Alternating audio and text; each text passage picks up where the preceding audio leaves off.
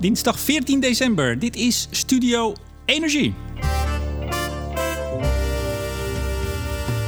Afgelopen week nam Avantium, de beursgenoteerde pionier op het gebied van groene chemie, het definitieve investeringsbesluit over de bouw van hun droomfabriek.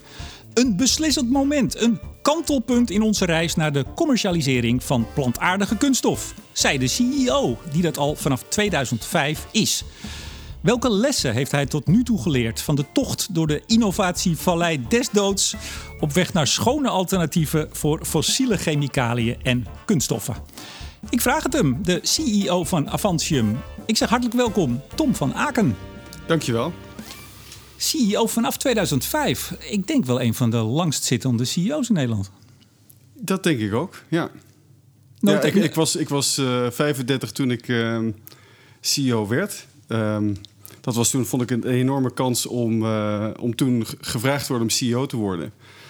Ik had niet gedacht dat het uh, zo lang zou duren om bij dit punt te komen, eerlijk gezegd, zou ik meteen, uh, zou ik meteen zeggen.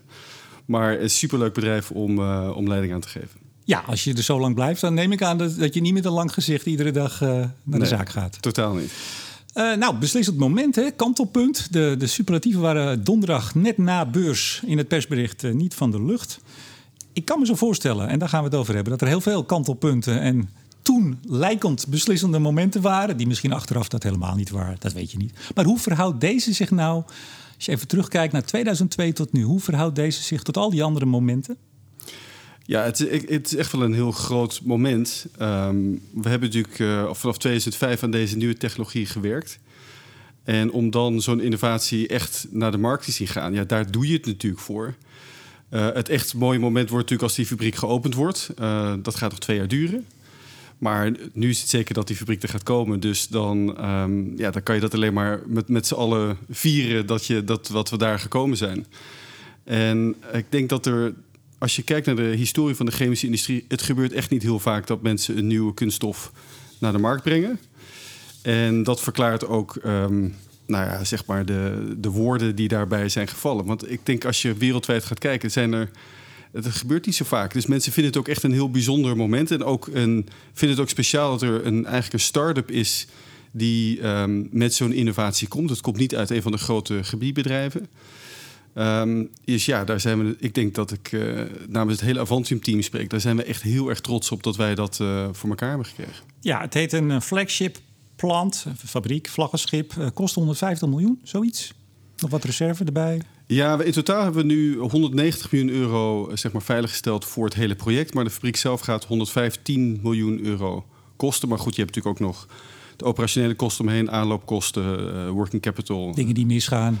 Zo is het. Zit wat, ja, ja daar, daar, houden we, daar houden we echt rekening mee, uh, Remco. Ja. ja, nee, zeker. Ik, ik, ik las ergens dat uh, toen u naar de beurs ging, gaan we het zo allemaal over hebben. Want het begon allemaal met een, een, een, plek met heel veel slimme mensen en geld, maar geen idee wat te gaan doen. Maar daar ja. gaan we het zo over hebben. Ja. Maar ik las dat u bij toen dit bedrijf naar de beurs ging, 2017, 15 maart geloof ik, vlak voordat de gong ging, stond u met uw vrouw en kinderen uh, bij de gong. Dat ja. is het moment. Ja.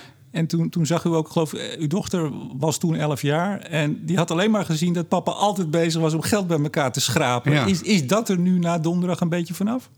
Uh, nee, sorry. nee, uh, jammer voor haar is dat dus niet het, uh, het geval. Nee, um, ik, wij gaan de komende jaren nog, nog wel meer kapitaal ophalen. Kijk, een technologiebedrijf als Avantium is opgericht om nieuwe technologieën te ontwikkelen, op te schalen en naar de markt te brengen. En uh, daar hebben we kapitaal voor nodig. Dat is eigenlijk wat dat betreft. Ja, als mensen in biotechnologiebedrijven kijken, dan is dat, gebeurt dat ook. Um, maar wij worden natuurlijk vaak vergeleken met chemische bedrijven die gewoon fabrieken en cashflows hebben en een bestaande business hebben. Dat hebben wij niet. Nee, bent u wel begonnen bij DSM? Ja, komen we zo. Ja. ja. maar dat, dat dus ik. Uh, nee, maar dus een simpel antwoord is: ik, uh, ik voorzie dat we de komende jaren nog meer geld op gaan halen. Ja, ja u bent eigenlijk chef geld schrapen. Ja, ik ben heel goed om mensen te overtuigen om meer kapitaal in, uh, in Avantium te investeren. Heel goed. Nou, dat hebben er ook heel veel gedaan met de jaren. Ik zag de TU Delft, die is bij de, bij de start in 2000 heeft hij er 3 miljoen in gestopt. Ja, klopt. Klein, ja, mijn de, universiteit. De, de, de, drie technische universiteiten zijn allemaal, uh, hebben allemaal geïnvesteerd. Ja, dat was toch een tijd dat dat nog, uh, dat, dat nog kon. Ja, zijn ze een beetje goed uitgesprongen? Um, Poeh, dat, dat, dat, die, dat ga ik hier niet zeker bevestigen. Nee, volgens mij zijn zij in ergens in een van de latere financieringsrondes zijn ze uitgestapt. Dus ik, dat kan ik je niet, uh, dat kan ik je niet met zekerheid zeggen. Ik denk ook niet dat een TU nog vaak in dit soort uh, bedrijven. Nee, nou dat ze het bij u gedaan dat, dat gaan we nooit meer doen. Nou ja, dat, uiteindelijk is het natuurlijk, Remco, is het natuurlijk, kijken ze ook wat er nu uitgekomen is ja, weet je, is dat een ontzettend goede, mooie investering geweest? Ja, je kan er financieel naar kijken, maar je moet er ook, denk ik, naar uh, toch een, andere vorm van um, returns kijken. Kijk. Is dat denk ik een enorm interessante investering geweest. Ik hoor het al. U bent goed in het overtuigen van geldschieters. Even heel kort, voordat we echt eh, de diepte in gaan. Uh, bent u nu uit de Vallei des Doods, de Valley of Death? Met deze techniek, want u hebt meer technieken, maar, maar deze? Met deze eh, eh, techniek verwacht ik niet dat wij na deze uh, investering nog meer geld hier zelf in gaan investeren. Ik verwacht dat die fabriek die gaat draaien in zeg 2024. Daarna verwachten we dat er nog veel meer fabrieken gebouwd gaan worden. Maar daar zal Avantium niet in, die zal daar niet zeg maar de eigenaar van worden. Wij gaan dat doen onder technologielicenties. Dus we verwachten eigenlijk vanaf 2024 dat we technologie, technologielicenties gaan verkopen. Dat betekent dat we voor ons dan in de fase gaan zitten waar we hier financieel juist van uh, ja, gaan, uh, gaan profiteren. Ja, lekker achterover zitten dan, tegen die tijd. Op dit vlak dan, hè? Achteroverleunen denk ik niet helemaal aan. Want uh, we zullen nog behoorlijk veel in de technologie zullen optimaliseren en nog verdere stappen maken. Maar dan komt wel de tijd dat we er ook echt geld mee gaan verdienen. Dus dat, dat is wel een heel prettig moment na zoveel jaar investeren. Wat gaat u maken in Delfzijl? Daar komt de flagship fabriek te staan misschien toch voor de, voor de enkele uh, luisteraar van Studio Energie die nog nooit van Avantium gehoord heeft. We gaan even de basics doen. Wat gaat u maken in Delfzijl? Ja, we maken daar FDCA. Dat is uh, een chemische naam voor furaan dicarbonzuur. Dat is de, het, de bouwsteen voor het nieuwe bioplastic uh, PEF. Dat is een materiaal wat nu nog niet op de markt is. En dat kan ook niet op de markt komen als je niet FDCA maakt. Dus wij zijn de eerste in de wereld die op commerciële schaal FDCA gaan maken. Dat gaan we doen in Delfzijl. En um, dat betekent dat daarna andere mensen van die FDCA PEF gaan maken. En PEF komt vervolgens in allerlei verschillende vormen naar de markt. In flesjes, in verpakkingen. En uh, hopelijk ook nog een heel veel andere toepassingen. Ja, u gaat dus geen PEF maken? Nee, want um, eigenlijk zijn er genoeg fabrieken in de wereld die uh, die laatste stap kunnen doen. Dus we gaan daar uh, gebruik maken van bestaande fabrieken en bestaande partners die dat voor ons gaan doen. Kijk eens aan. Nou, fabriekje bouwen, hoe moeilijk kan het zijn? Twee jaar. Hij is, hij is helemaal geïngineerd. Hè? Dat, want er waren drie voorwaarden eigenlijk. Want nee, één stap terug. Al in 2000, geloof januari 2000, was deze fabriek aangekondigd. Of nog eerder. Wacht even, januari 2000? 2000. Uh, 2020, pardon. Ah, oké, okay, ja. dat zou wel... ja, ik zou zeggen, dat, dat was toch voor mijn tijd, uh, Remco. Um, nee, die, um, we hebben in 2019 aangekondigd dat we deze fabriek wilden gaan bouwen. Vervolgens hebben we in 2020 aangekondigd dat we hem in Delfzijl wilden gaan bouwen. Toen hebben we inderdaad drie criteria genoemd. Uh, we moesten de afnamecontracten, we moesten de engineering rond hebben en de financiering rond. Nou, eerder dit jaar hadden we aangegeven dat we de afnamecontracten al rond hadden. De engineering hadden we rond, dus het hing nog op de financiering. En die is afgelopen week rondgekomen. En daarmee kunnen we nu uh, de stap zetten om die fabriek te gaan bouwen. Wel, wat was het moment dat, dat die financiering rondkwam? Want dat betekent, nou, het persbericht dat lag natuurlijk al klaar. Dat kan er dan uit. Krijgt u dan een telefoontje of zat u hier ergens op kantoor? Zit overigens in Amsterdam op uw hoofdkantoor. Wat, wat was het moment dat u dacht, yes, nou hebben we hem? Nou, hier hebben we echt maanden. Ik heb al eigenlijk al een aantal maanden, weken, maanden gedacht. Nu hebben we hem. En elke keer bleek het dat er ergens toch weer nog iets nog niet klopte. Want het is echt een gecompliceerde, uh, ja, gecompliceerde deal om dat rond te krijgen. Je moet echt heel veel contracten rond hebben. Uh, we hebben vijf banken. Dus vijf banken moesten ook uh, toestemming geven op het allerhoogste niveau. we moesten de vergunning rond hebben. We moesten de. Nou, de, de, de, degene die hier ook nog vanuit Groningen en Worley, dus onze engineering contractor, die contracten moesten rond zijn. Ja, want die krijgen een aandeel in een van de BV's van het ja. bedrijf. In ja. ruil voor hun steun. Ja, ja. dat is hun steun. Ja, precies. Ik, ik, ik, las het en ik zou bijna iedereen aanraden. Het staat gewoon op uw website om het persbericht even te lezen. Het, ik zag zo uh, alsof je thuis echt tussen de kussels van de bank nog wat zoekt. Onder de bank. Gewoon uit alle hoeken en gaten. Is er op allerlei manieren subsidies, uh, partijen, hè, die het Worley, Worley, Worley, hoe spreek je dat uit? Worley, ja, het is een Australische partij. Ja, ja. Die, die, eh, die het dan engineert, maar ja, alleen ze betalen is ook lastig, dus dan krijgen ze weer een deel van, van de zaak. Uit alle hoeken gaat is het bij ja. elkaar gesprokkeld. Nou ja, maar als je, als je een, een, een scale-up bent, want we zijn geen start-up meer, dus we zijn een scale-up, en je wil zo'n ja, zo'n grote financiering rondkrijgen dan moet je enorm creatief zijn. En ehm, eh, als je bij, gewoon bij de bank eerst gaat praten, dan krijg je natuurlijk te horen van dit gaat niet, uh, dit gaat niet werken. Dus we hebben wat dat betreft, denk ik, iedereen die het verhaal zeg maar, van dichtbij gevolgd heeft, weet ook dat we dit echt ja, met bloed, zweet en tranen voor elkaar hebben gekregen. En um, ik denk dat er niet zo heel veel bedrijven zoals Avantium zijn die zo'n financiering rondkrijgen. Dus we zijn daar echt ook heel erg trots op. En dat was even om terug te komen op je vorige vraag. Het was dus donderdag om tien voor vijf dat we eigenlijk door hadden van we hebben echt alles nu binnen. En uh, ja, om, uh, om zes uur ging het, ging het persbericht uit. Ja, want ook u hebt de 20 miljoen Europese subsidie van het, zeg maar het Horizon. Ja, dat heeft weer een andere naam. In van het Horizon-project. Nationaal programma Groningen nog 7,5 miljoen. Ja. Zijn die aardbevingen toch nog ergens goed voor? Zou je dan bijna nou, denken? Dat, dat, ik heb een hele hoop uh, stakeholders in Groningen die. Um, uh, ja, weet je, dat, Nee, gebied, dat gebied heeft natuurlijk heeft zoveel klappen Hier moet gekregen. je niet dus op reageren op deze totaal flauwe. Nee, maar in ieder geval, zelfs uit dat potje voor eigenlijk de versterking van Groningen Ja. weer. Na de aardbeving, na de gaswinning met name. Ook nog wat geld. Nou, het Aluka gaat. Laten we ook vooral. Hij werd nog genoemd in persbericht. Wouter Bos niet vergeten. InvestNL, want die, eh, die doen ook mee, hè?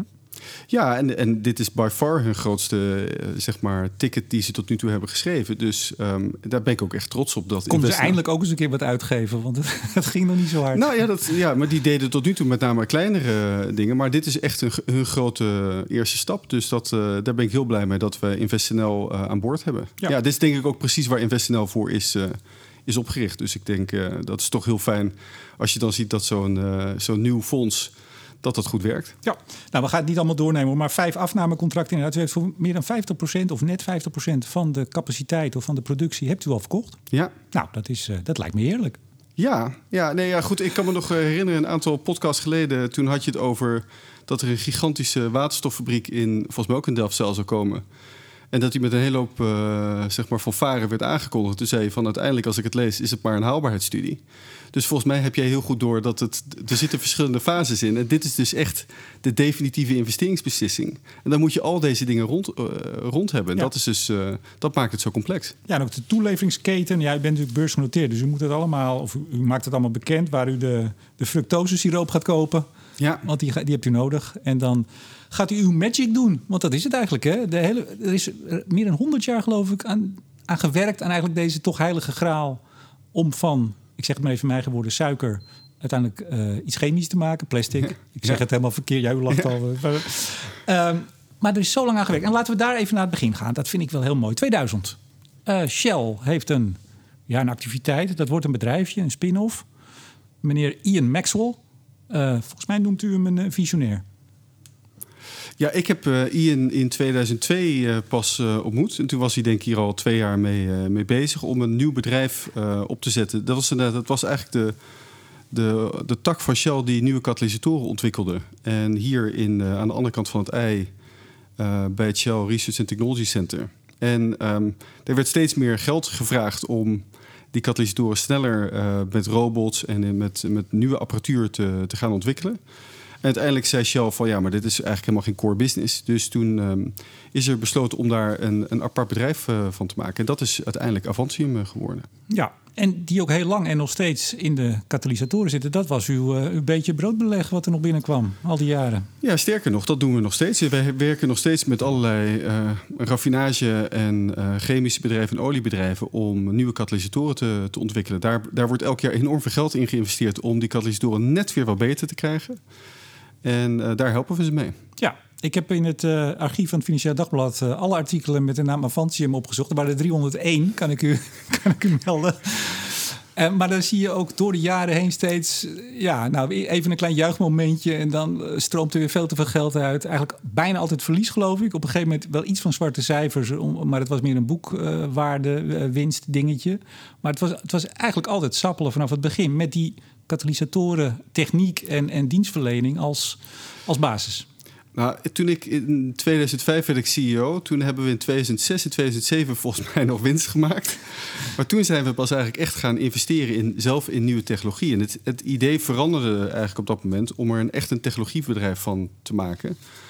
En dat is wel een bewuste keuze geweest, want dan ga je ook besluit je natuurlijk, we gaan investeren om onze eigen technologie te ontwikkelen. Ehm, ja, op dat moment heb je natuurlijk toch niet een heel goed idee hoe lang dit gaat duren en hoeveel kapitaal daarvoor nodig is. Dat is natuurlijk, het duurt altijd langer en het kost meer geld. Ehm, maar je hebt uh, helemaal gelijk. Sindsdien hebben we alleen maar um, hebben we elk jaar verliezen gerapporteerd. Ja. Toen dit begon, um, als ik het goed begrijp, uh, Shell zat erin, Axo, uh, Pfizer. Want het, het, het, was ook, het kon alle kanten nog op. Hè? Het was eigenlijk heel onduidelijk. Ik zei het net al even. Hele slimme mensen met 55 miljoen, uh, geloof ik, startkapitaal. Maar eigenlijk geen idee welke kant op. Een beetje op zoek naar een doel. Ja, het was eigenlijk opgezet als um, een, een soort super, supersonisch high-tech researchbedrijf. Een high-speed, ik lees het gewoon voor door, high-speed experimentation company. Ja.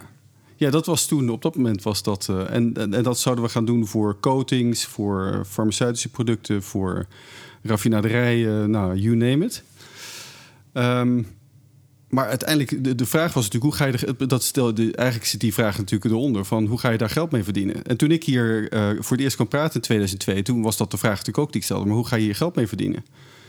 En toen stelden ze, ja, daarom zoeken we juist iemand om dat mee, um, ja, dat mee eigenlijk te bepalen, hoe we, gaan we hier geld mee verdienen? En zo ben ik bij Avantium gekomen. Ik kwam een citaat van u tegen dat er toen een ontzettend ambitieus plan lag, fenomenaal ambitieus, zei volstrekt onrealistisch. Ik heb het nog steeds in mijn la liggen, haal het er af en toe uit om even te kunnen lachen. Ligt die er nog? Ja, ja, ja. Ja, dat is, dat is, het is echt fantastisch geschreven. Ik wil echt complimenten voor de mensen die dat hebben opgeschreven. Onder leiding van meneer Maxwell toen, de visionair. Ja, ja. Ja maar het, het, het, uh, het had niks met enige realiteitszin te maken. Nee, maar ja, goed.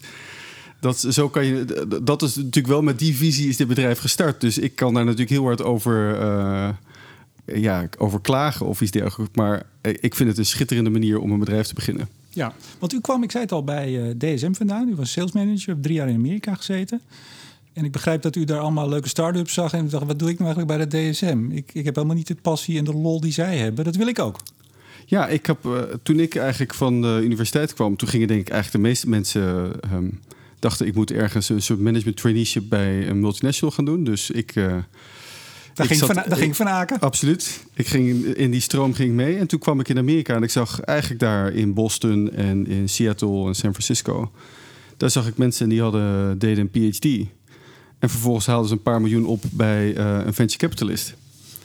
En plakte, huurde ergens een laboratorium, plakte een mooi logo op de. En, en ze waren in business. En ik dacht, maar dit heeft nog nooit iemand. Dit hele concept ken ik helemaal niet. En ik was heel erg eigenlijk op dat moment benieuwd van had ik dat eigenlijk niet veel leuker gevonden. Want ja, weet je, bij zo'n multinational kom je toch in een hele meer stroperige, meer politieke omgeving uh, terecht. En uh, nou, dat was een goede, was een goede gut feel. Want uiteindelijk toen ik bij Avantium kwam, ondanks alle zeg maar, turbulentie, uh, ik heb er veel meer plezier gehad dan ik denk ik ooit had gehad als ik bij een multinational had gewerkt. Ja, want u merkte ook als u met enthousiaste verhalen en leuke deals aankwam vanuit Amerika in, in dit segment, dat ze bij DSM ook niet enthousiast waren. En dan zeggen we het netjes. Ja, en dat, dan, dan, dan paste het niet. En uh, dan, dan kondigden we iets aan. En dan zag je het aandeel, weet ik veel, uh, 3% dalen. Omdat er weer ergens, weet ik veel, in de hydrocarbon unit verliezen werden gemaakt. Dus um, ik vond het heel weinig. je zag heel weinig echt resultaat van wat je, van wat je deed. Even.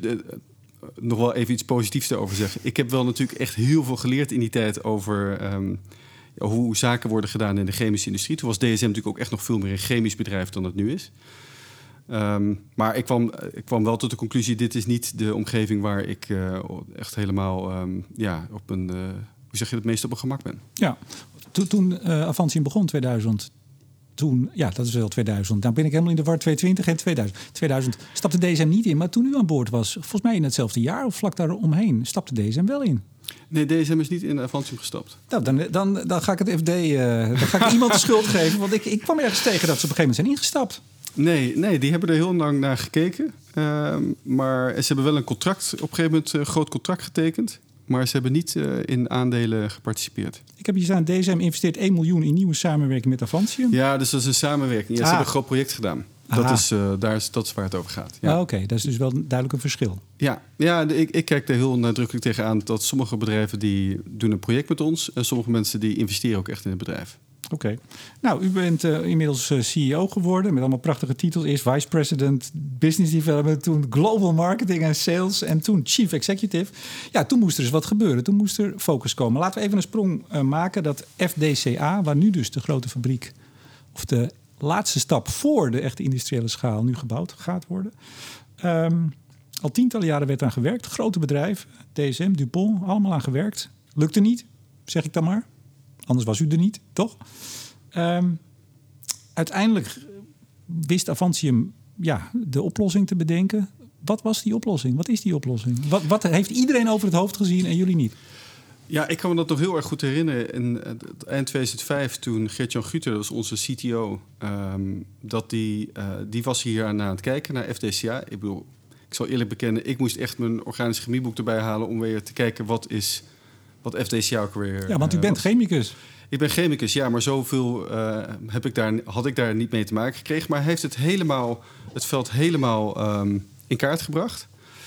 Het werd toen omschreven als een sleeping giant. Um, slapend omdat niemand wist hoe je het uh, economisch moet maken. Maar uh, een reus, want het heeft enorm veel potentieel. En hij, ik weet nog wel, in één zo'n kamertje zoals waar je nu zit... dat was dan helemaal onder de structuurformules. Uh, had hij in kaart gebracht, wat hebben al die bedrijven gedaan? En hij heeft echt in alle patenten, alle literatuur gekeken. En hij stond er en hij zei tegen mij... nou, zie je dan niet wat het probleem is? En ik was echt volstrekt de weg kwijt. En hij zei: Het probleem is dat al deze mensen lossen suiker op in water. Ja, zei ik, dat is hartstikke logisch, want je moet het ergens in oplossen, anders kan je niet, zo'n, uh, niet zoiets doen.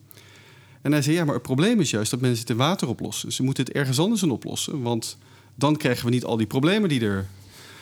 En mijn enige uitspraak was: Ja, maar zo simpel kan het toch niet zijn? Nou, ik, ik herstel, ik was er niet bij. What the fuck, zei u.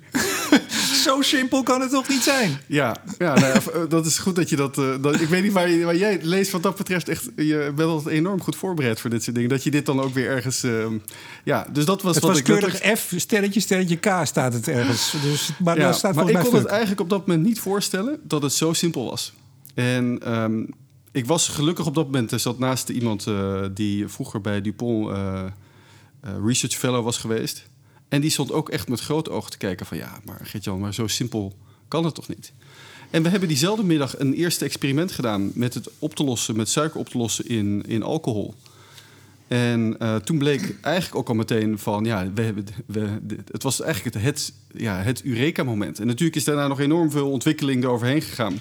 Maar dat was toch wel, ja, ik vond het natuurlijk een waanzinnig mooi moment om bij te zijn. Dat je je realiseert van, ja, we hebben hier echt een, een doorbraak. Ja, als we het over lessen hebben, want dat zei ik in de aankondigingen, die moeten we niet vergeten, want we zitten zo gezellig te kletsen. Uh, les 1, focus aanbrengen in het bedrijf. Want mm-hmm. dat zat er niet. Ja, klopt. Klopt. Uh, les 2, uh, neem een goede Chief Technology Officer aan. Zo is het. Ja. En heb een beetje mazzel. Ja, maar dat, maar dat mazzel dat is daarna nog een aantal keer teruggekomen. Nee, maar als dus tientallen jaren de grootste chemiebedrijven van de wereld hiermee bezig zijn om dit te kraken, eigenlijk dit probleem. Ja. En op een gegeven moment in een kamertje zoals dit, met allemaal formules, zegt iemand: Weet je wat, we moeten gewoon alcohol doen in plaats van water. Dat is het. Ja. Dat is toch, dat, daar, daar kan je niet, daar kan je nog zoveel MBA's en allemaal mooie dingen voor doen. Nee, ik ben, maar goed, wat dat betreft is uh, zeg maar creativiteit is natuurlijk een heel moeilijk uh, te, vak, uh, te, te, zeg maar te te pakken concept. En ik heb dat bij uh, Gert-Jan, heb ik dat vaker gezien. Die, komt, die heeft gewoon een uh, heel ander soort brein dan uh, de meeste. Daar komen hele onverwachte dingen komen daar uit. En hij ziet dingen die ik niet zie. Ja, nou, twee jaar later, 2007... Volgens mij zei u ergens dat dat... Ik zal het er maar bij zeggen. U hebt een interview gegeven, dat weet u niet meer. In 2017, volgens mij. Bij de beursgang, net daarna. Mm -hmm. En toen bent u echt pagina's lang leeggelopen. Dus ook dat wat, wat de fuck, dat heb ik daar gewoon uit hoor. Dus het lijkt nu net op. ik heb mijn best gedaan, dat is waar. Maar ook in datzelfde interview um, zei u dat uw grootste fout was dat u naar bankiers hebt geluisterd daarna. Ja, dat, ja, dat, weet, dat kan ik me nog goed dat herinneren. Zullen de vijf die, die geholpen hebben van de week, zullen dat leuk vinden? Nou ja, nee, maar je moet, naar, je moet naar bankiers luisteren op de onderwerpen waar ze wat, wat vanaf weten. En in 2006, 2007 waren het een aantal bankiers die zeiden... je moet je niet op uh, kunststoffen, op chemicaliën richten... je moet je op brandstoffen richten. dat was echt een, uh, dat zie ik nog steeds als echt een enorme fout. Dat we daarnaar geluisterd hebben. Want er waren allerlei andere bedrijven waren met biobrandstoffen bezig. Dat was de name of the game. En daar waren heel veel mensen. Er was geld op zoek naar ja, zeg maar goede mogelijkheden om te investeren in bedrijven die in biobrandstoffen zaten. Ja, daar had ik achteraf gezien niet, niet naar moeten luisteren. En de, de beursgang die toen uh, gepland stond, één dag van tevoren is hij gecanceld. Ja. Iedereen stond klaar. Uh, had dat ook te maken met luisteren naar bankiers? Nee, dat, dat was omdat de bankiers zich op een ander vlak voorkomen. Uh, dat was de hele financiële crisis die toen uitbrak. Dus dat, dat, dat, dat heeft dat ook ten dele natuurlijk met bankiers te maken. Maar dat had niks met Avantium te maken. Ik ben overigens ontzettend blij dat we die beursgang toen niet hebben gedaan. Want ik denk niet dat ik hier anders uh, tegenover je gezeten had. Want dan denk ik niet dat Avantium nog uh, bestaan had als we in 2007 al naar de beurs waren gegaan. Waarom niet? Toen waren we er totaal nog niet klaar voor. Dus um, dat is, dat is een, een, echt een blessing in disguise geweest. Dat Had we u dat... ook iedere keer kwartaalrapportjes moeten maken, toen al? Ja, ja, dat was, daar, had ik echt niet, daar had ik echt niet over na moeten denken. Nee. nee. nee. Nou had u al wel al een feest geboekt, natuurlijk. Een feest geboekt. En dat hebt u wel gewoon door laten gaan, want dat was toch al betaald, las ik. Ja, ik, ik bedoel, het, het laatst was uh, nou, toen Coolblue zeg maar de beursgang uh, afblies. Die hebben ook dat feest afgeblazen. Ja. Dat is toch, dat is, de, bedoel, dat geld ben je kwijt. Ja, dan kan je maar beter met. Uh, met George je... Baker dronken in de lampen hangen. Zo is het. Ja, dat was echt een van de. Nou, voor als, als ik weet nog dat ik toen daar met. Frank Roering, de toenmalige CFO, dat we daar stonden. Wij waren toch behoorlijk natuurlijk ja, teleurgesteld en. Um, en toen zagen we daar een feest waarin iedereen volkomen... en iedereen had ook zoiets, ja, maar wij gaan ons niet, zeg maar... Uh, ja, zeg je het, klein laten maken of terug... Uh, dit soort uh, tegenslagen, ja, die horen erbij. Dus de spirit uit de organisatie, ja, dat was geweldig. Dus daarmee hebben we juist denk ik de energie gekregen om weer door te gaan... en naar andere manieren te kijken om te financieren. En, en deze reis door te zetten. Ja, nog een les. Als, je, als het tegen zit, vier een feestje. Ja. Heel goed. Nou, dit is zo waardevol, deze podcast nu al, hè? Voor al die mensen die luisteren, denken, ja, een feestje, heel goed. Nou, we gaan niet, uh, ja, we kunnen uren praten, maar um, ja, uiteindelijk 2011 kwam volgens mij de pilotfabriek uh, ja. in Geleen. Ja. Gemmelot. Ja, dat klopt. Ja, ging goed meteen? Uh, ja, dat, volgens mij is dat, was dat een hele belangrijke stap om te zetten. Um, ook omdat we daar waanzinnig veel in, in geleerd hebben. Um, en toen bleek natuurlijk, uh, we kunnen FDCA maken. We kunnen, nou, uiteindelijk hebben we toen, dus zijn we daar PEF van gemaakt. En daarmee konden we ook gaan samenwerken met andere partijen in de keten. Uh, dus toen zijn we gaan samenwerken met Coca-Cola, met Danone, met Alpla. Um, ja, de, toen kwamen we eigenlijk op een hele andere manier kwamen we op de kaart te staan... Uh, doordat we die, die, die pilotplant hadden. Dus u kwam in Amerika aan, u dacht daar moeten we heen... want Coca-Cola wilde ook af van zeg maar, de, de oliefles, ja. de, de fossiele fles. U presenteerde daar. En wat gebeurde er toen? Nou, de eerste keer dat we er waren, toen hadden we nog nooit een fles gemaakt. Toen hadden we een hele mooie PowerPoint-presentatie. En toen zeiden ze van, heb je wel eens een fles gemaakt? Uh, nee, nou ja, van, uh, ga dat eerst maar eens even doen. Tot ziens. De tweede keer kwamen, toen hadden we geen PowerPoint-presentatie, hadden we alleen de fles. En uh, toen was iedereen echt stil. En die fles was trouwens een beetje groenig, gelig. Zag er niet heel mooi uit. En dat zijn veel mensen die daar zitten. Dat zijn niet twee mensen, hè? Nee, er zaten, flinke... er zaten twintig mensen van Coca-Cola. En aan het eind van de meeting zeiden ze van... Uh, oké, okay, toen vroegen wij van, oké, okay, wat, gaan we, wat gaan we nu doen? Toen zeiden ze van, ja, we geloven het niet. Want ja, heb je enig idee hoeveel mensen er met een, uh, met een zogenaamd briljante uitvinding naar Coca-Cola komen? Nou ja, daar had ik nog nooit over nagedacht. Dus uiteindelijk hebben we ze zelf een aantal kilo PEF gegeven...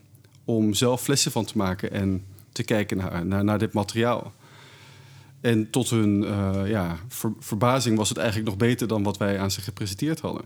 Maar toen was het ook nog een tijdje stil, hè? We hadden het opgestuurd. En dacht, ja, nou, moest natuurlijk, ja, dat, dat, dat, duurt natuurlijk weer, uh, gaat natuurlijk weer even wat overheen voordat ze dat allemaal gecontroleerd hebben en, en zelf gedaan hebben. Maar toen kwamen ze terug en zeiden ze: Dit, uh, dit lijkt toch echt. Uh, het, was, het was, was, volgens mij nog beter dan wat u eigenlijk zelf ja, dacht was, dat het was. Precies. Ja, ja nou ja, goed, we hadden, we hadden het redelijk conservatief ingestoken. Dus het is altijd prettiger als dan iemand uitvindt dat het nog beter is dan wat ze gepresenteerd hebben, in plaats van dat tegenvalt. Ik, ik hou altijd erg van details. Ik begrijp, zij vroeg om 100 kilo. U hebt uiteindelijk 5 kilo opgestuurd. Gaat het dan gewoon met DHL? Of hoe, hoe doe je. wat, is, wat is 5 kilo? Uh, u stuurt de PEF op. Ja, dat is gewoon een klein drummetje waar. eh, ja, daar heb je speciale vervoerders voor die dat. eh, Maar is dat, wat voor stadium is dat vloeibaar? Is dat, wat, En dat zijn korrels. Oké. Ja, dat zijn korrels. Dus ja, nee, en, en op zich is dat. ik bedoel, we, sturen dat naar Coca-Cola op. Maar Coca-Cola heeft helemaal niet zelf een lab waar ze dit in doen. Dus die, die moeten dat dan weer gaan uitbesteden. Dus dat duurt natuurlijk allemaal een tijd. Maar ja, nee, zo ging dat in die tijd. Ja, dat was, eh, als je daar aan terugdenkt, is het natuurlijk was een. eh, het was ook heel erg mooi. Want toen wij eenmaal die samenwerking met Coca-Cola konden aankondigen. Toen kwamen natuurlijk opeens op de voorkant nou ja, van, de, van de kranten te staan. En toen wilde iedereen natuurlijk ja, hier meer van weten. Ja. ja. Maar even toch die 100. Zij vragen 100 en zeggen nee, we doen er 5. Of ik kon geen 100 kilo leven. Nee, we konden dat helemaal niet leven nog. Nee. Nee, ja, nee, ja dat, we waren, dat was echt nog in de tijd dat we de pilotplan nog aan het opstarten waren. Dus dat was, eh, dat was al een hele uitdaging om ze 5 kilo te sturen. En, en de, het heet, de, ik zeg maar even voor de luisteraar, YXY. Dat is de technologie, Ja, toch? onze ICSI, we noemen het onze ICSI-technologie. Waar Ja. komt het vandaan? Gewoon drie letters verzinnen? Of, eh? ja, daar hebben we een heel mooi eh, sessies over gehad met het reclamebureau om er een, eh, een hele mooie naam van te verzinnen. Nee, dus meer dan dat eh, moet je daar niet achter zoeken. Nou, het ging dus, eh, het ging dus eh, eh, lekker vooruit, zeggen we dan. Proeffabriek of pilotfabriek eh, in Geleen. eh, Coca-Cola, Danone, samenwerking. eh, Ja. Eerst geloofden ze u niet, toen wel. Even een heel klein zijstapje, want u doet meer. Even, even voor, de, voor de echte de freaks. U hebt nog de Ray Demonstration Plant in Delfzijl. Wat doet die?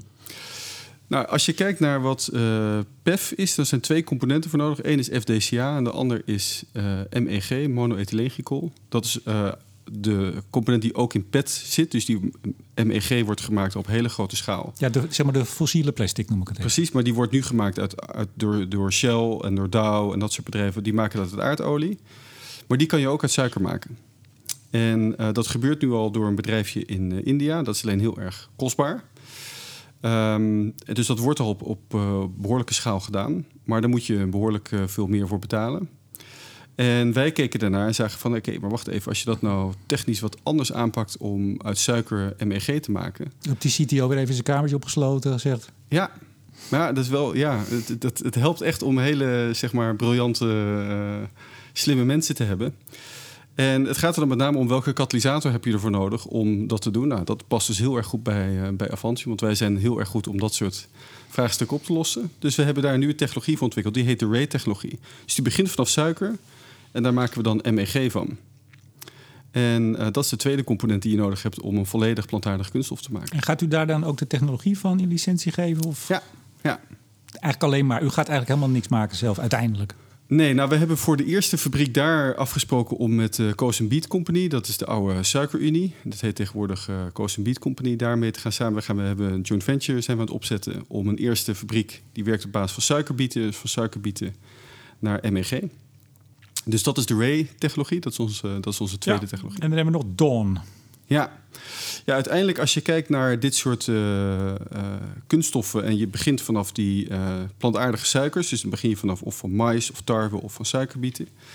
Uiteindelijk eh, krijg je dan natuurlijk toch de discussie, ehm, dan gebruik je het landbouwareaal, je gebruikt, eh, ga je dan niet op een gegeven moment eh, ja, zeg maar interfereren met de voedselketen? Nou, heel eerlijk gezegd, de komende 10, 20 jaar komen we daar niet eens in de buurt. Zelfs op een hele grote schaal kan je het erover gaan twisten of je daar nou echt. eh, hoe zeg je dat? eh, of mensen daar last van gaan hebben. Maar ik zag in die tijd dat dit soort procedures u mee naar, naar, naar buiten ging, was ik dacht Natuur en Milieu die toch al wel de vinger op stak. Ja, er zijn altijd NGO's die daar iets eh, van vinden. Ehm, maar ja, goed, ik, ik, jij kijkt volgens mij ook altijd het liefst naar de data. Zeker. En als ik kijk naar de data, dan denk ik van uh, waar hebben we het nu over? Want het, het, is zo'n ongelooflijk klein uh, stukje waar we het nu over hebben. En dan gaan mensen zeggen, ja oké, maar als het nou heel groot gaat worden, dan kan het wel een probleem gaan worden. Nou, we hebben ernaar gekeken, als het heel groot gaat worden, dan zou je op een gegeven moment het over een aantal procenten hebben van het landbouwareaal wat naar zeg maar, dit soort uh, kunststoffen gaat. Je kan je afvragen of, daar, uh, of dat nou een verstoring gaat betekenen. Maar goed, uiteindelijk, ik kwam tot de conclusie... ik kan hier heel rationeel naar kijken. Maar het probleem is, het, de discussie wordt zoals wel vaker in dit soort debatten... gaat helemaal niet meer over de ratio, het gaat over emotie. En daarom zijn we begonnen om uh, tweede generatie uh, grondstoffen... dus niet eetbare biomassa te gebruiken. Dus bijvoorbeeld houtsnippers. In plaats van dat je die meestookt in een kolencentrale... is om die, daar de suiker uit te halen. Dat is ongeveer 60, 70 procent. En die suikers te gebruiken om, uh, als grondstof voor dit soort uh, kunststoffen. Ja, ik geloof samen met RWE bent u daarmee ja. bezig. Wie nog meer? Uh, Nourion, Staatsbosbeheer, werken we mee samen om, om dat te doen. Ja, en op, de, op uw website hebt u een mooi staatje staan van die drie technologieën. Dat, hoe was het ook weer? Dat YX, Y? ICSI. ICSI. Ik zou het anders uitspreken, maar goed, ICSI. Goed. Ray en Dawn. Dawn de ICSI is natuurlijk het vers. Die gaat nu naar de flagship plant fase, de laatste van vier fases. En Dawn is net voorbij de pilot plant op uw website. Ja, ik denk dat we de Ray-technologie eerst, dus dat is eigenlijk de volgende. Oh. En daarna gaan wij de, verder met de Dawn. Want die Dawn-technologie die gaat natuurlijk uiteindelijk de, de grondstoffen aanleveren voor de andere twee. Dus zo moet je het. Uh, zo moet je, dus we gaan zowel bij ICSI als bij Ray beginnen gewoon met eerste generatie plantaardige suikers. En als we verder zijn, dan zullen we daar de DON-technologie voor gebruiken om tweede generatie suikers te maken. Een, een, een, vierde, maar die is nog heel klein, Volta. Ja, dat is de technologie die we gebruiken om. Uh, dat gaat dan niet op basis van plantaardige suikers, maar dat gaat op basis van CO2. Dus dat je CO2 afvangt of uit de lucht haalt. Het ligt eraan hoe je, hoe je dat doet. Um, dat heet uh, Carbon Capture and Utilization uh, in, uh, voor, de, voor de kenners. En dat, daar gebruiken we elektrochemie voor. Dus dat zijn en katalysatoren en elektriciteit. Natuurlijk bij voorkeur hernieuwbare elektriciteit. Om op die manier chemicaliën en, en kunststoffen te kunnen maken. Ja, dat u niet aan een kolencentrale hangt. Dan schieten we nog niet op. Nou ja, dat, we kunnen het aan een cementfabriek hangen. We kunnen het aan een. Uh, kijk, tegen de tijd dat die technologie er is, dan zijn hopelijk al de meeste kolencentrales uh, uitgezet. Maar we kunnen het ook heel goed aan een bioraffinaderij hangen, aan een kunstmestfabriek. Er zijn genoeg um, zeg maar, puntbronnen van, uh, van CO2. of uiteindelijk, we werken ook samen met het bedrijf Climeworks in Zwitserland, die het uit de lucht halen. Ja, en als je het uit de lucht haalt, is het hartstikke mooi. Maar je, je moet het ergens omzetten, anders blijft het CO2. Ja, en voordat dat een beetje kostefficiënt kan, dan heb je nog heel veel van die kamertjes met heel veel knappe koppen nodig. Deze Volta-technologie um, is nog het verste af van commercialisatie als je het met de andere vergelijkt. Maar goed, we gaan daar ook nu, als je aan de andere kant van het gebouw kijkt, dan zie je daar al dat wij al in, nou, toch al in, in containers nu aan het bouwen zijn om units te bouwen. Waar CO2 die wordt afgevangen van, uh, van, van powerplants, gaat worden omgezet in, uh, in chemische producten. Dus ja, ik... Um, Uiteindelijk komt het er allemaal aan. Het komt er allemaal aan. Goed zo. Nou, we gaan terug naar uh, nou, Coca-Cola Danone uh, pilotplant gebouwd, 2011, ja. 2012. Uh, Coca-Cola nou, dat zijn op een steltje mafklappers. Maar dan blijkt het toch te werken, heel goed. Op een gegeven moment eh, komt de episode Bas F. Ja. Nou, dat is waar, ook, waar zullen we beginnen? Nou, dat is aan elkaar gerelateerd. Want als je met hele grote merken werkt, zoals met, met Coca-Cola dan kom je dus ook uh, in, hun, ja, in hun wereld terecht. Um, nou, ik, heb, ik weet niet of je enig idee hebt hoeveel um, drankjes Coca-Cola op een dag verkoopt. Maar, uh, Best veel. Dat zijn er 1,8 miljard. Um, dus als je het gaat hebben over een nieuwe verpakkingsvorm, dan gaat dat in hun wereld ook, ja, zeg maar, op hele grote schaal moet je dat kunnen doen en ook heel kosten, kosteneffectief. En um, ja, zij zeiden van jongens, we vinden het echt fantastisch. Het is een schitterend materiaal, lage carbon footprint, goed recyclebaar. Je kan er echt mooie, mooie spullen van maken. Maar om het voor ons uh, een impact te laten hebben, moet het ook echt op hele grote schaal geproduceerd gaan worden. En dat gaat Avantium natuurlijk alleen niet kunnen doen. Nou goed, toen zei u, wij gaan alleen de technologie ontwikkelen en dan gaan we dat in licentie geven. Dan ga ik ja. achterover zitten, eindelijk eens een keer in al die jaren. En dat gaat wel goed komen. Ja, maar voordat je het kan licentiëren, moet het bewezen zijn dat het kan. Uh, en de vraag is dan wie gaat die eerste fabriek bouwen? En dat is altijd, dat, dat noem je het eerste fabriekssyndroom, dat is altijd heel erg lastig. Die u nu dus heeft aangekondigd afgelopen donderdag? Ja, dat precies. is die? Dat is die. Okay. Maar goed, je ging terug naar 2015, 2016. En toen uh, zochten we naar een grote industriële partner om dat mee samen te gaan doen. Um, en bleek uh, dat BASF daarin geïnteresseerd was om meteen ook een, echt nog een grotere fabriek te gaan bouwen. En um, dat was voor onze andere partners was dat heel goed nieuws. Want die dachten, oké, weet je, nu gaat het ook echt... als zo'n grote partij aan boord komt... dan weten we ook zeker dat het, dat het ook in hele grote fabrieken gaat gebeuren. Ja, het is niet, niet, niet doorgegaan. Uiteindelijk eh, krantenkoppen dat er zelfs ruzie was. Nou, we hebben in 2016 zijn we die joint venture gestart. En we hebben in 2019 hierna het een punt achter gezet. En dat heeft niet uh, gewerkt zoals we verwacht hadden. Um, het lag niet aan het product, het lag ook niet aan de technologie. Maar uiteindelijk um, bleken de partijen gewoon toch hele andere ideeën te hebben over ja, de beste route om dit te commercialiseren. de tijdslijnen. Ja, en als je niet op dezelfde golflengte zit, dan kan je heel lang met elkaar eh, daar moeilijke gesprekken over hebben. Wij wilden gewoon verder en hebben uiteindelijk uh, besloten om het, uh, de aandelen terug te kopen. En zelf alleen verder te gaan. En naar de beurs te gaan. De, oh, dat was u toen al. Pardon. Toen al ja, naar de beurs. Ja. Ja. ja. Maar toch even, ik, ik, bedoel, u gaat er toch niet meer over zeggen dan u wil vertellen. En nogmaals, beursgenoteerd, dus u moet altijd een beetje opletten natuurlijk. Maar als we die aanloop horen, begin met, de, begin met een slim idee in dat kamertje. Hoe heet je ook weer, Gert-Jan? Ja, Gert-Jan Guter. Ja. Precies. Nou, Pilot, et cetera, Coca-Cola, we hebben het allemaal gehad. Um, dan is die volgende stap er, die dus nu donderdag eindelijk definitief is.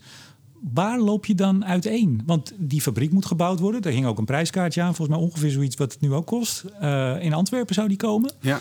Uh, Belgische en Vlaamse uh, overheden die, die deden mee. Die stopten er geld in. Ja. Zit er nog steeds aan boord, geloof ik, zo'n fonds, dacht ik. Ja. ja. Nou, die hebben er wel vertrouwen in gehouden. Um, waar, kunt u eens een concreet voorbeeld geven waar je dan uiteen gaat lopen? Want op zich, ik las dat allemaal, ik lees dat, ik heb dat toen ook gevolgd. Ik denk, nou ja, wat dan? Nou kijk, BASF wilde eigenlijk meteen echt grote fabrieken bouwen.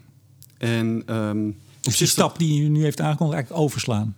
Precies, die wilde meteen naar een 50.000 ton fabriek. We gaan die fabriek in Delfzijl wordt 5.000 ton, dus die is tien keer kleiner dan wat we in Antwerpen gingen, zouden gaan bouwen.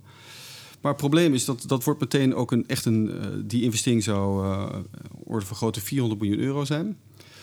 En het probleem alleen binnen zo'n de, de context van zo'n grote multinational, als er 400 miljoen euro moet worden geïnvesteerd, dan moet je daar allemaal hoepeltjes uh, doorspringen. En uh, wat daar ging gebeuren, was dat we elke keer uh, wel door de eerste drie hoepeltjes kwamen, dan hadden ze weer een ander hoepeltje bedacht, waar we dan niet doorheen kwamen. En dan zei ze, ja, dan moeten we weer nog wat langer wachten. En zo word je elke keer zeg maar, naar vertraging gedrukt. Maar wil, wilden ze wel? Ik denk wel dat ze wilden, maar zij wilden dat eigenlijk risicoloos doen.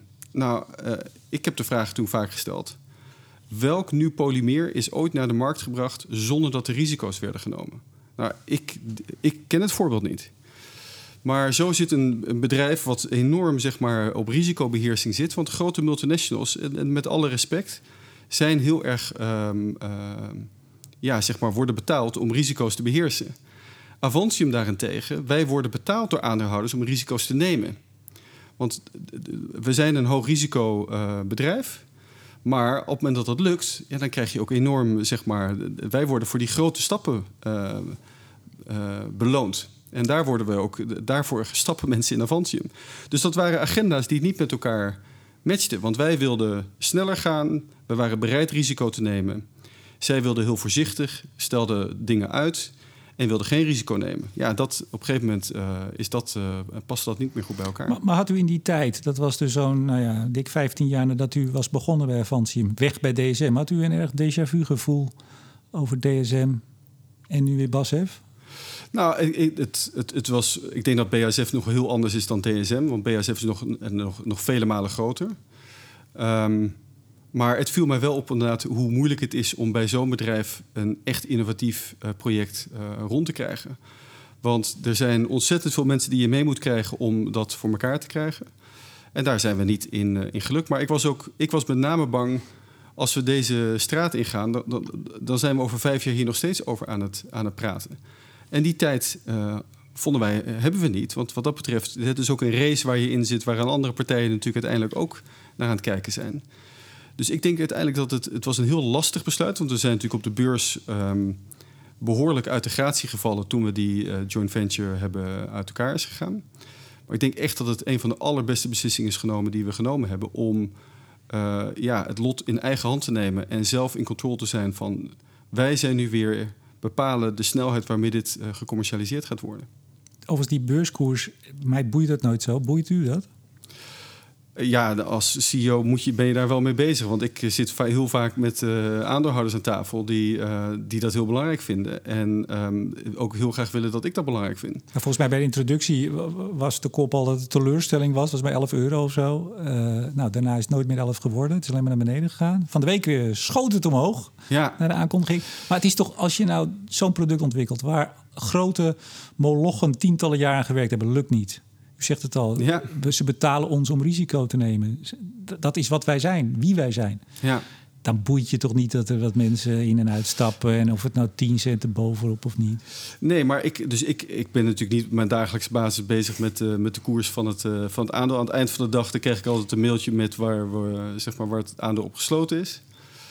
Um, maar ik probeer me daar natuurlijk niet verder iets te, uh, te veel door te laten leiden. Dat zou echt niet gezond zijn. Het gaat er met name om dat wij die volgende mijlpalen behalen. En dat we dat goed communiceren en dat we dat uh, ja, over weten te brengen bij investeerders. Waarom dit een hele interessante propositie is. Dat is met name waar ik mee bezig ben. Ja, u, u noemde net eigenlijk, of u sneed het onderwerp concurrentie aan. Concurrenten, ja, die zitten ook niet stil. Hebt u concurrenten? Jazeker, op al deze technologieën waar we het net over gehad hebben, zijn er andere bedrijven die daarmee bezig zijn. Um, op FDCA en PEF is het denk ik heel erg duidelijk dat Avantium ver voorloopt op. Uh, dat is het voordat we in 2006 hiermee begonnen zijn. Want ja, als je nu zegt dat we lopen niet voor dan en dit gaat morgen naar buiten, dan gaat de, de koers die ja, zakt maar in dit is, dit is iets waar we al jaren over. Uh, dit houden we natuurlijk ook heel goed in de gaten. We houden de patenten in de gaten, we houden onze concurrenten in de gaten. Maar we lopen echt jaren voor. Dus dat is ook, uh, en dat is ook duidelijk voor iedereen die PEF gebruikt. Die komt bij, uiteindelijk in Amsterdam bij, bij Avantium terecht. Maar op de andere technologie, er zijn ook andere bedrijven mee bezig. Dus je, je moet niet denken dat we, dat we een soort van um, walhalla voor onszelf hebben. Uiteindelijk is het een race waar je uiteindelijk... Um, ja, je moet het snelste en het slimste zijn. Ja, ik las nog ergens PEF maken met uh, vergisting, ander procedé. Ja, daar heeft het bedrijf Corbion... hebben zich daarmee bezig gehouden, maar zijn daarmee weer mee gestopt. Uh, maar zo, ja, iedereen gaat natuurlijk andere manieren proberen om dit op een kosteneffectieve manier uh, te produceren. Ja, het is zo'n die... ontzettend interessant materiaal. Dat is natuurlijk super logisch dat iedereen daar zijn technologieplatform voor inzet om te kijken hoe hij dat kan maken. Ja, en niet alleen interessant materiaal, het is uiteindelijk ook, u schat de, de jaarlijkse markt 200 miljard, hè? Ja. Hoeveel procent daarvan denkt u? Uh... ja, nu, uh, dat, dat, dat zijn zeg maar type uitspraken die, uh, die me niet gaat ontlokken, Remco. Want voor de is... luisteraar, meneer Van Aken, wees naar iemand die hierbij zit, die gezellig zit te luisteren. Volgens mij de, de communicatiedirecteur, chef, vast een andere titel, iets met vice president of zoiets. Ja, dit zijn dus hele gevoelige thema's. Ja, nee, want dat, zijn, dat, dat, dat noemen we ook wel forward-looking statements. Dus daar, daar mag ik niet iets over. Daar ga ik, daar nou, ga ik, ik, las, iets ik las een disclaimer bij het persbericht. Sowieso wordt helemaal ingedekt dat als we Ja. niet zeggen wat... Nou ja, dat is maar op de basis van wat we nu denken. Het kan morgen anders zijn. Maar Remco, dat is het lastige van een bedrijf als Avantium. We zijn beursgenoteerd en we, houden, we moeten ons uh, houden aan de regels van uh, beursgenoteerd zijn. Dat betekent dat we een hele hoge mate hebben van transparantie. Veel meer dan andere bedrijven die nog in private handen zijn. Dus dat is ook best lastig. Het heeft voordelen, maar het heeft ook echt uh, nadelen. En een van die nadelen is de transparantie, maar ook dat je met dit soort disclaimers moet werken. Dat hoort er nou eenmaal bij dat, uh, dat, je, dat je beursgenoteerd bent. En de, de hele de, de fossiele plastics, de, de, de PET, als je dat nou helemaal gaat recyclen, een soort gesloten kringloop, is dat nog een concurrent? Nou, we worden meestal met PET vergeleken. Uh, dus dat is, daar kijken we natuurlijk heel goed naar. En de, PET is wat dat betreft het plastic uh, van alle andere polymeren die er zijn, wat het best gerecycled wordt. Um, maar zelfs dan zie je nog uh, dat dat met enorme verliezen gaat. Dus een volledig gesloten keten, ja, dat, gaat niet, uh, dat gaat niet gebeuren. Want daar uh, zitten hele intrinsieke verliezen in.